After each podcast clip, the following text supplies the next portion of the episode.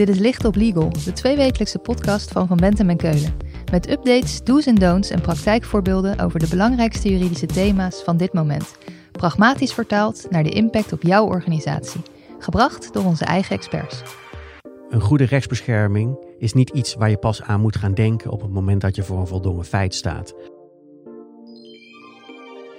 Vorige zomer heeft de Tweede Kamer de rechtsbescherming in aanbestedingen geëvalueerd.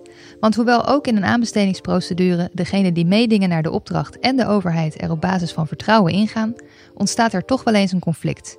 Want wat als de aanbesteding toch een kant op gaat die de inschrijver niet wil? Wat kan je als bedrijf dan doen? Daarover praten we deze keer in Licht op Legal met Walter Engelhard. Hij stelt zich even voor. Mijn naam is Walter Engelhard. Ik ben partner en advocaat aanbestedingsrecht bij Van Bentem en Keulen.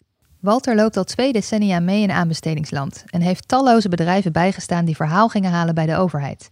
En omgekeerd heeft hij ook aanbestedende diensten bijgestaan, bij wie verhaal werd gehaald. Walter, rechtsbescherming bij aanbestedingen. Wat zijn eigenlijk de mogelijkheden? Wanneer het gaat om rechtsbescherming in aanbestedingen, gaat het wat mij betreft om de mogelijkheden die een inschrijver heeft om de aanbestedende dienst bij te sturen. En dat bijsturen kan wat mij betreft gedurende het aanbestedingsproces zelf, dan heb je het vaak over de criteria en de eisen, et cetera. Dus de spelregels van een aanbestedingsprocedure. Maar het kan ook gaan om de uitslag. Dus het einde van de aanbestedingsprocedure. Daar kan ook een fout in zitten. En dan wil je misschien als inschrijver de aanbestedende dienst ook in bijsturen. Ik zou vier mogelijkheden willen onderscheiden. En de eerste is misschien wel nog wel de belangrijkste. Gebruik de inlichtingenronde van de aanbestedingsprocedure. Ten tweede, Kijk of de aanbestedingsdienst een klachtenloket heeft. Dat is steeds vaker het geval. Gebruik dan dat klachtenloket. Drie, de gang naar de commissie van aanbestedingsexperts. Vier, ik zou bijna zeggen ultimum remedium, ga naar de rechter. Het kortgeding. Laten we bij de inlichtingenfase beginnen. Je noemt het zelf de belangrijkste rechtsbescherming. Maar dat is toch helemaal geen rechtsbescherming? Dat is toch gewoon de procedure? Die inlichtingenfase is misschien niet rechtsbescherming in juridisch strikte zin, maar het is wel de eerste kans op een dialoog met de aanbestedende dienst. En een dialoog heeft altijd de bedoeling om elkaar te vinden. Gebruik die inlichtingronde om als jij eisen of criteria of wensen ziet waarvan je denkt, hé, hey, dat klopt niet of dat zou niet zo moeten zijn. Stel daar een vraag over. Daarmee geef je de aanbestedende dienst de kans om daarover na te denken en om met zijn antwoord op jouw vraag uh, eventueel correcties door te voeren of jou uit te leggen waarom dat het is, blijft zoals het is. Dus in die zin, het zoeken van de dialoog in de inlichtingenfase is een ultieme kans wat mij betreft om die aanbestedingsprocedure in de goede richting te sturen. De inlichtingenfase betekent dus dat je vragen kan stellen aan de overheid over de opdracht. Maar veel bedrijven willen dat niet, want vragen stellen is toch een beetje de luis in de pels zijn. Dat is eigenlijk wat ik in de praktijk vaak hoor van inschrijvers. Ik vind het niet fijn om vragen te stellen. Ik wil niet die luis in de pels zijn. En ik wil ook voorkomen dat ik mijn concurrenten wijzer maak. Ik vind dat geen juiste houding. Om twee redenen niet. Het stellen van een vraag creëert ook een kans voor de aanbestedende dienst om een bepaalde onduidelijkheid of een bepaalde verkeerde richting die hij zelf nog niet eens had gezien, om die bij te sturen. Ten tweede, wanneer jij in de inlichtingenfase niet assertief bent, wordt het veel bezwaarlijker en misschien zelfs onmogelijk om de andere uh, middelen van rechtsbescherming uh, te gebruiken. Even heel strikt genomen, wanneer je als ultimum remedium naar de rechter gaat en je bent daar, daaraan voorafgaand niet assertief geweest, word je niet eens ontvankelijk verklaard. Oké, dus je moet eerst zorgen dat je in gesprek gaat. Anders verkijk je je kansen als je uiteindelijk wel naar de rechter stapt? Absoluut, die boodschap wil ik zeker meegeven. De inlichtingenfase is dus een kans om het verloop van de aanbesteding bij te sturen in jouw richting. Maar als je dan toch een antwoord krijgt dat je niet bevalt, dan ga je dus klagen. Ja, als je een antwoord krijgt waar je niet blij mee bent, dat wil ik even vooraf zeggen, stel gerust nog een vraag. Vaak is er in een aanbestedingsprocedure ook een tweede inlichtingronde. Maar ook als er geen inlichtingronde meer, uh, meer, is, adviseer ik wel eens cliënten om gewoon de vraag uh, toch nog uh, te stellen. Maar dat even latende voor wat het is. Um, gebruik maken van het klachtenloket. Gelukkig is het zo dat de meeste aanbestedingsdiensten tegenwoordig een eigen klachtenloket hebben. Een klachtenloket is eigenlijk een interne commissie van de aanbestedende dienst. Um, waar klachten ingediend kunnen worden en waar vervolgens door die klachtencommissie een advies op wordt gegeven. Dan klinkt het natuurlijk zo alsof het uh, is dat de slager zijn eigen vlees keurt. Sterker, dat is dan in juridische zin ook zo. Maar je bereikt in elk geval als inschrijver met je klacht dat er een extra paar ogen naar jouw punt gaat kijken. Dan hoeft vervolgens de inkoper die het aanbestedingsproces leidt daar niet per se iets mee te doen. Hij mag het advies ook naast zich neerleggen, maar dan zal hij in ieder geval intern dan uitleg over moeten geven. Belangrijkste boodschap is, je bereikt in elk geval op een laagdrempelige manier dat er uh, nog eens iemand naar jouw punt kijkt.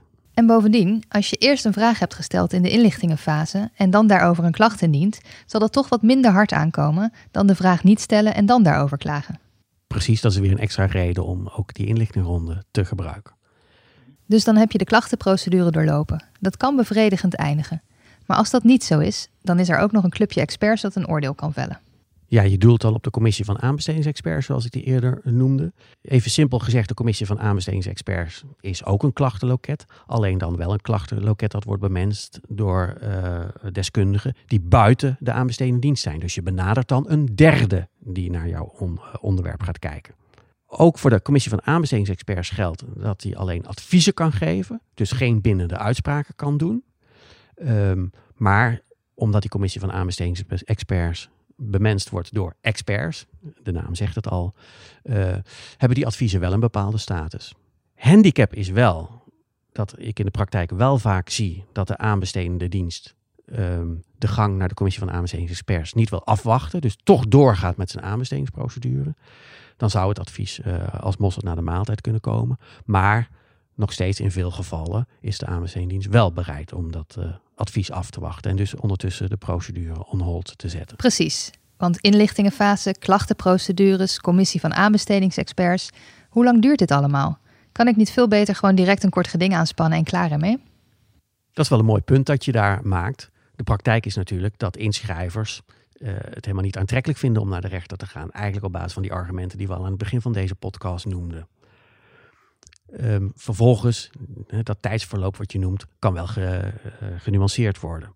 De inlichtingenfase is gewoon al ingebouwd in de aanbestedingsprocedure. Uh, het klachtenloket en de commissie van aanbestedingsexperts, um, vaak is het ook een van de twee uh, wegen die je bewandelt. Um, de gang naar de rechter is wel ja, echt het conflict opzoeken. Maar soms moet dat als een aanbestedingsprocedure een verkeerde kant op gaat, uh, als er eisen ge worden gesteld door de aanbesteder die je niet kunt accepteren, dan zul je op een gegeven moment door middel van een kort geding moeten eh, ingrijpen. En met een kort geding is de aanbestedingsdienst wel gehouden om zijn aanbestedingsprocedure on hold te zetten. Dus het kort geding is een route waarvan jij zegt uiteindelijk kan je die wel inzetten. Zeker, dat is een middel wat je ook niet moet vergeten. Want let wel, als jij keurig je vraag hebt gesteld, je hebt er misschien ook een klacht over ingediend en die aanbestedende dienst gaat niet de kant op, terwijl jij ervan overtuigd bent dat het niet juist is wat hij doet, dan kan een aanbestedende dienst je ook niet verwijten dat je die weg bewandelt. Dat is dan rechtsbescherming. Nu heeft Politiek Den Haag de rechtsbescherming geëvalueerd. Kortom, iedereen heeft zijn mening gegeven. Dat is altijd leuk, maar wat hebben we aan die evaluatie?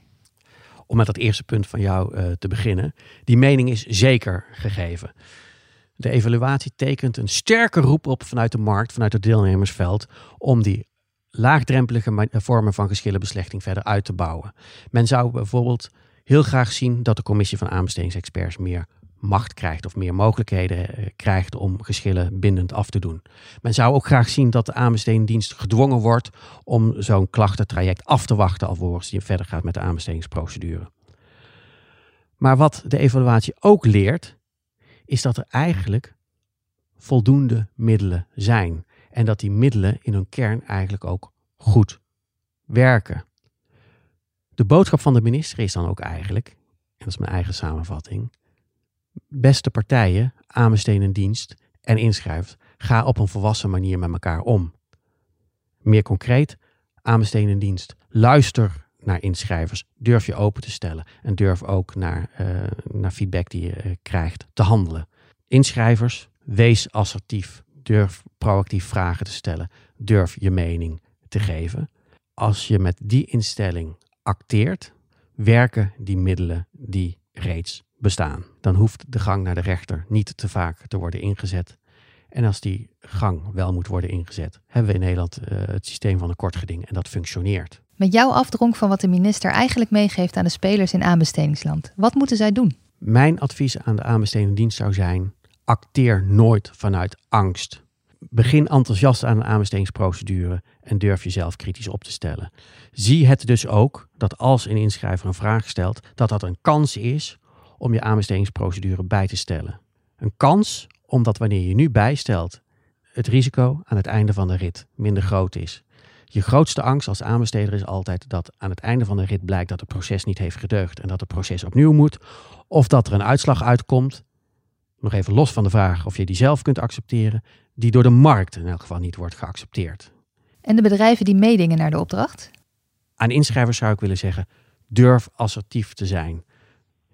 Vanuit de wetenschap dat eigenlijk het systeem en aan het einde van de rit ook een rechter van jou verwacht dat je assertief bent, maar ook vanuit de gedachte dat je de aanbestedingsdienst een kans geeft om dat proces bij te sturen.